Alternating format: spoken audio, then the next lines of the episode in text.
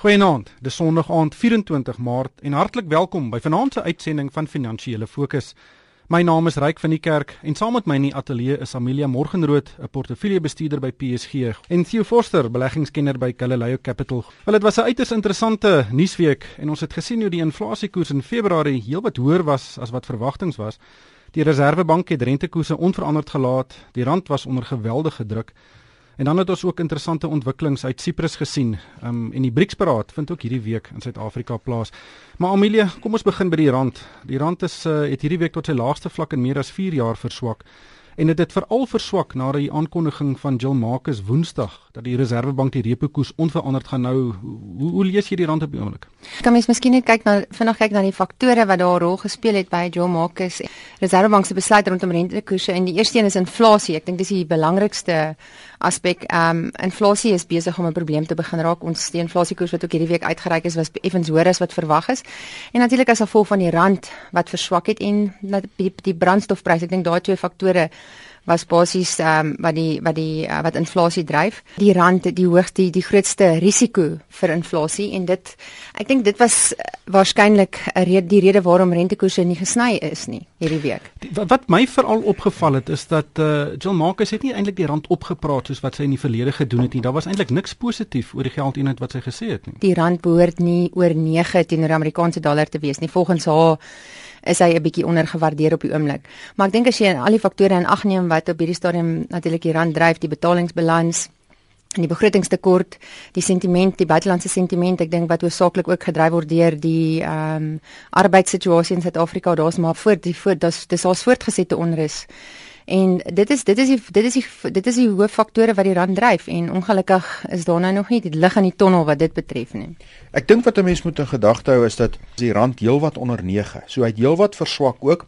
En as jy gaan kyk na die geldmarktermynkontrakte, dan tot selfs so 2-3 weke gelede was daar nog 'n kans dat ons 'n verlaging kan kry as jy kyk na wat die termynkontrakte verdiskonteer. Dis heeltemal uit die prentjie. Dit was uit die prentjie uit verlede week. En ek dink dis presies wat ons nou kry. Ons kry die effek van 'n swak rand wat deurvloei na inflasie en ja, die inflasiesyfer was baie hoër as verwag is. Maar nou moet mense ook onthou verlede maand se was so 'n bietjie laer as verwag. Van die begin van die jaar af 'n nuwe mandjie en nommer 2 die vraag is nie spesifiek waar hierdie inflasie nou is nie. Die vraag is op watter stadium gaan ons bo die band van die Reserwebank gaan. Op watter stadium gaan ons bo na die, die vlak van tussen 3 en 9%? En soos dit nou gaan, is dit net 'n kwessie van wanneer dit gaan gebeur, nie meer of dit gaan gebeur nie, nommer 1.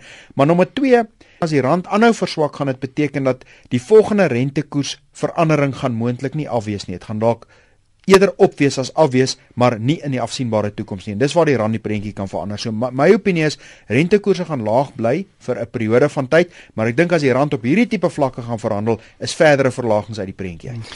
Ja, die ver inflasieverwagting sien sien ek um, van die Reservebank is dat hulle verwag dat dit ehm um, teen die derde kwartaal van 2013 buite die 6% band gaan wees. Hulle verwag dat dit tot by 6.3 gaan wees, maar dat dan weer ehm um, weet baie dat dit dan weer terug gaan beweeg in die band. Rentekoerse seker eers teen einde 2014 ehm um, en daardie koers eers moontlik weer opwaarts kan beweeg. Dis een van die min ekonomiese aanwysers wat relatief stabiel is op die oomblik, um, is die rentekoers. Ja. Maar Society Society Generale het hierdie week 'n baie interessante verslag bekend gemaak en hulle waarsku dat Suid-Afrika se staatseffekte mark baie naby aan 'n tipe van 'n afgrond is Want soos die rand verswak, kan buitelanders besluit om hulle verliese te beperk en hulle geld die land uit te neem maar die rand verder kan laat verswak. Ehm um, dit is maar 'n opbrengs uh, scenario wat hulle skets, maar hulle is nie baie positief oor die die toekoms van ons staatsskuld nie. Kyk, die die die vertrekpunt is dat buitelander koop in rand. Beteken dat die rand wisselkoers het 'n groot impak op die waarde van sy belegging en die oomblik wat daai vertroue begin kwyn. Dink wat ons net hier in gedagte moet hou, met die rand, met ons staatseffekte, met al hierdie geleide. Hierdie is 'n Suid-Afrikaanse probleem. Dis nie 'n omkomende markte probleem nie. Dis nie 'n kommoditeitsmarkte probleem nie. Dis nie 'n wêreldwye probleem nie. Hierdie probleem is amper ons eie toedoen. En wanneer jy hierdie tipe van vertrouensprobleem kry wat ons hier sien, kan spesifieke kapitaalvloeye kry. En daai kapitaalvloeye kan 'n impak hê op ander bates. Onthou, die afgelope klompe jare het buitelanders aktief Suid-Afrikaanse effekte en baie van die Suid-Afrikaanse maatskappye, baie van die sektore was gunstelinge onder buitelanders. Kleinhandelsektor en jy kyk na die vlak van buitelandse aandeelhouers. Dis die hoogte wat dit nog ooit was. Risiko is daar in die oomblik wat die vertroue begin kwyn kan jy beginne kry dat die die buitelanders besluit daar's ander, ander alternatiewe. Definitief iets wat kan gebeur en is gekoppel aan vertroue. Hoekom gaan jy in 'n belegging wees as jy begin bevraagteken waar jy net op pad is? En ek dink dis die risiko wat uitgelig word. En op hierdie stadium dink ek dit is 'n risiko, maar ek dink 'n mens moet dit in perspektief sien. Suid-Afrika het goeie beleidsmaatreëls, maar op die oomblik is daar 'n gebrek aan vertroue ons vermoë om dit te implementeer aan die een kant en ek dink daar's ook 'n vertroue aan ons senior bestuur. Maar weet tot baie onlangs het die Suid-Afrikaanse mark buitelandse ontwikkelings baie baie nou, nou nagevolg. In, in sommige gevalle het dit selfs plaaslike gebeure heeltemal geïgnoreer. Kom ons nou by 'n punt waar die Suid-Afrikaanse ontwikkeling of goed wat gebeur in die land die mark nou meer gaan begin beïnvloed as wat dit in die onlangse verlede gedoen het. Maar ek dink die aandelemark sal waarskynlik nog steeds dieselfde rigting volg as die internasionale markte, maar miskien nie in dieselfde mate nie. Al die markte is gekorreleer met mekaar en is al vir baie jare so. Kan nie sien dat daar nou ewe skielike diskonneksie gaan plaasvind van die sê maar die van die JSE. Ons maatskappye is nog steeds in 'n baie goeie posisie, gesonde, sterk maatskappye. Dit is so dat dat daar opinies is dat die industriële nywerheidsmaatskappye oor bietjie oorgewaardeer is, die kleinhandel uh, maatskappye. Hulle aandeel soos um, Foschini het iets soos 30% al teruggeval. Hmm. So mense moet nou gaan kyk weer na daai waardasie vlakke en waarskynlik dink ek nie ons gaan in dieselfde mate styg as die Amerikaanse mark nie, maar ons sal dit waarskynlik volg. Kom ons kyk 'n bietjie na nog plaaslike nuus. Bidwest het 'n groot aanbod vir Adcock Ingram gemaak. Ehm um, die uh, Bidwest wil graag 'n belang van 60% koop en die transaksie gaan so 6,5 miljard rand beloop as dit sou deurgevoer word. Uh, Theo, hoe sal uh, Adcock Ingram by Bidwest inpas? Ek dink nommer 1 Bidwest het 'n 2.5% belang reeds in Adcock Ingram. En as 'n mens gaan kyk na die aankondiging is hierdie dit is 'n ongevraagde offer. Dit wil sê daar's 'n bietjie van 'n verrassingselement. Bidwest is 'n gedesentraliseerde groep wat baie verskeie belange het. En ek dink as 'n mens gaan kyk na die grootte van die transaksie en spesifiek na die tipe waardeontsluiting wat Bitwest gewoonlik in 'n maatskappy kry. Dink ek jy gaan hierdie sien as 'n as 'n element wat 'n wat 'n wat 'n suiwer as van 'n beleggingshoek af gesien word en is duidelik Bitwest reken hy kan meer waarde uit die maatskappy uit ontsluit as wat tans die geval is. Hmm. 'n ander, ander interessante um, ontwikkeling hierdie week was uh, BHP Billiton en Eskom um, se hofsaak oor die appelsaak wat hulle teen Sake 24 verloor het um, en die saak het gehandel oor sekere inligting wat Sake 24 van BHP Billiton en Eskom gevra het. En na 'n baie lang tyd het hulle nou hierdie inligting bekend gemaak en dit uh, is eintlik baie interessant. Eskom verkoop 9% van die elektrisiteit wat hy opwek aan BHP Billiton se aluminium smelters. En BHP Billiton betaal 'n gemiddeld van omtrent 23 sent per kilowattuur vir hierdie elektrisiteit en dit is weer rofweg die helfte van wat dit Eskom kos om dit op te wek. Ehm um, 22,65 sent teenoor 41 sent opwek opwekkoste. Sien dit kan mos nie werk nie. Die punt van die saak is jy praat van 23 sent wat wat wat wat, wat, wat bulletin betaal.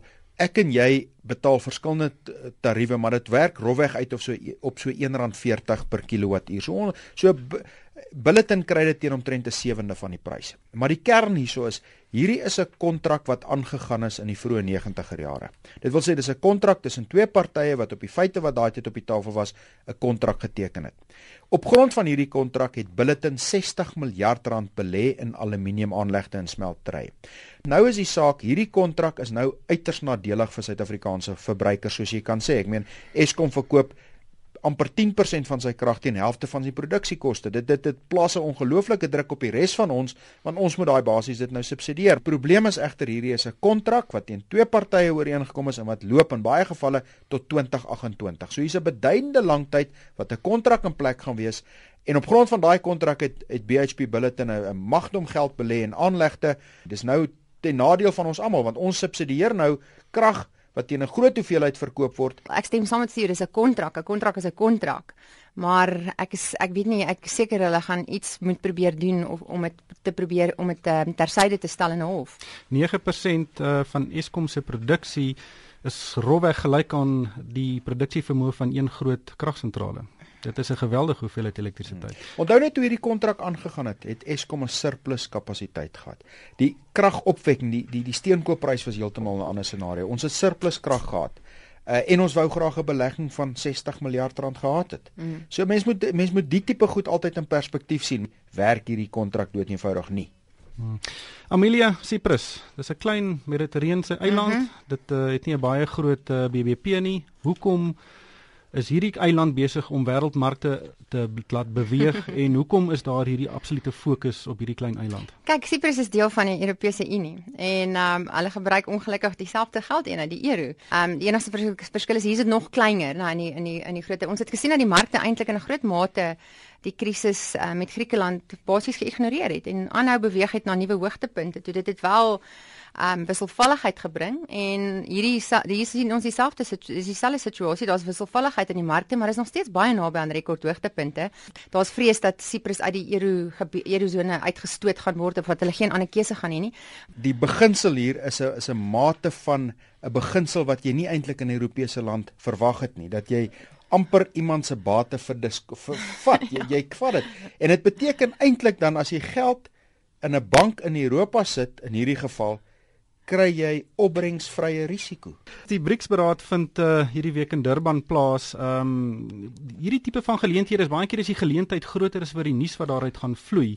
Amelia, wat verwag jy van die beraad? Ons sien nie eintlik iets gebeur nie en ons voel nie eintlik iets nie en ons kom nie ons voel geen voordele daarvan nie en alles gaan maar alles gaan maar aan dag tot dag soos dit maar aangaan en ons ekonomie bly maar onder druk. So ek weet nie, ek het nog nie regtig enige voordele van ons toelating tot tot die BRICS um, groep gesien nie en ek weet nou nie of hierdie beraad enige voordele gaan bring nie.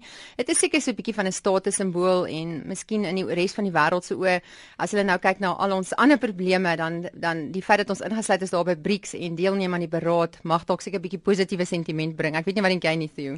Ja, ek is ek, ek dink intedeel eintlik as jy mooi daarna kyk, daar's in baie gevalle gevalle in baie industrie en kom ons vat die pluimvee industrie die die hoenderbesigheid is daar is daar onderliggende druk tussen die twee twee lande wat wat wat ons ons ons plaaslike hoenderbedryf is onder baie groot druk oor invoere uit uit spesifiek Brasilië uit. So ek dink hier's ander elemente ook in die wat sal moet aangespreek word en en en 'n oplossing voor gekry word. Anderster gaan jy aan die een kant sit met met met met baie mooi beginsels en vertrekpunte en aan die ander kant met die praktiese probleem dat daar's eintlik baie sterk kompetisie in baie gevalle onregverdige kompetisie tussen die twee lande. Val is ongelukkig alwaarvoor ons tyd het vanaand. Baie dankie aan Amelia Morgerood van PSG en uh, Theo Forster van Galileo Capital en vir my ryk van die kerk. Baie dankie vir die saamkuier en ek koop almal 'n winsgewende week.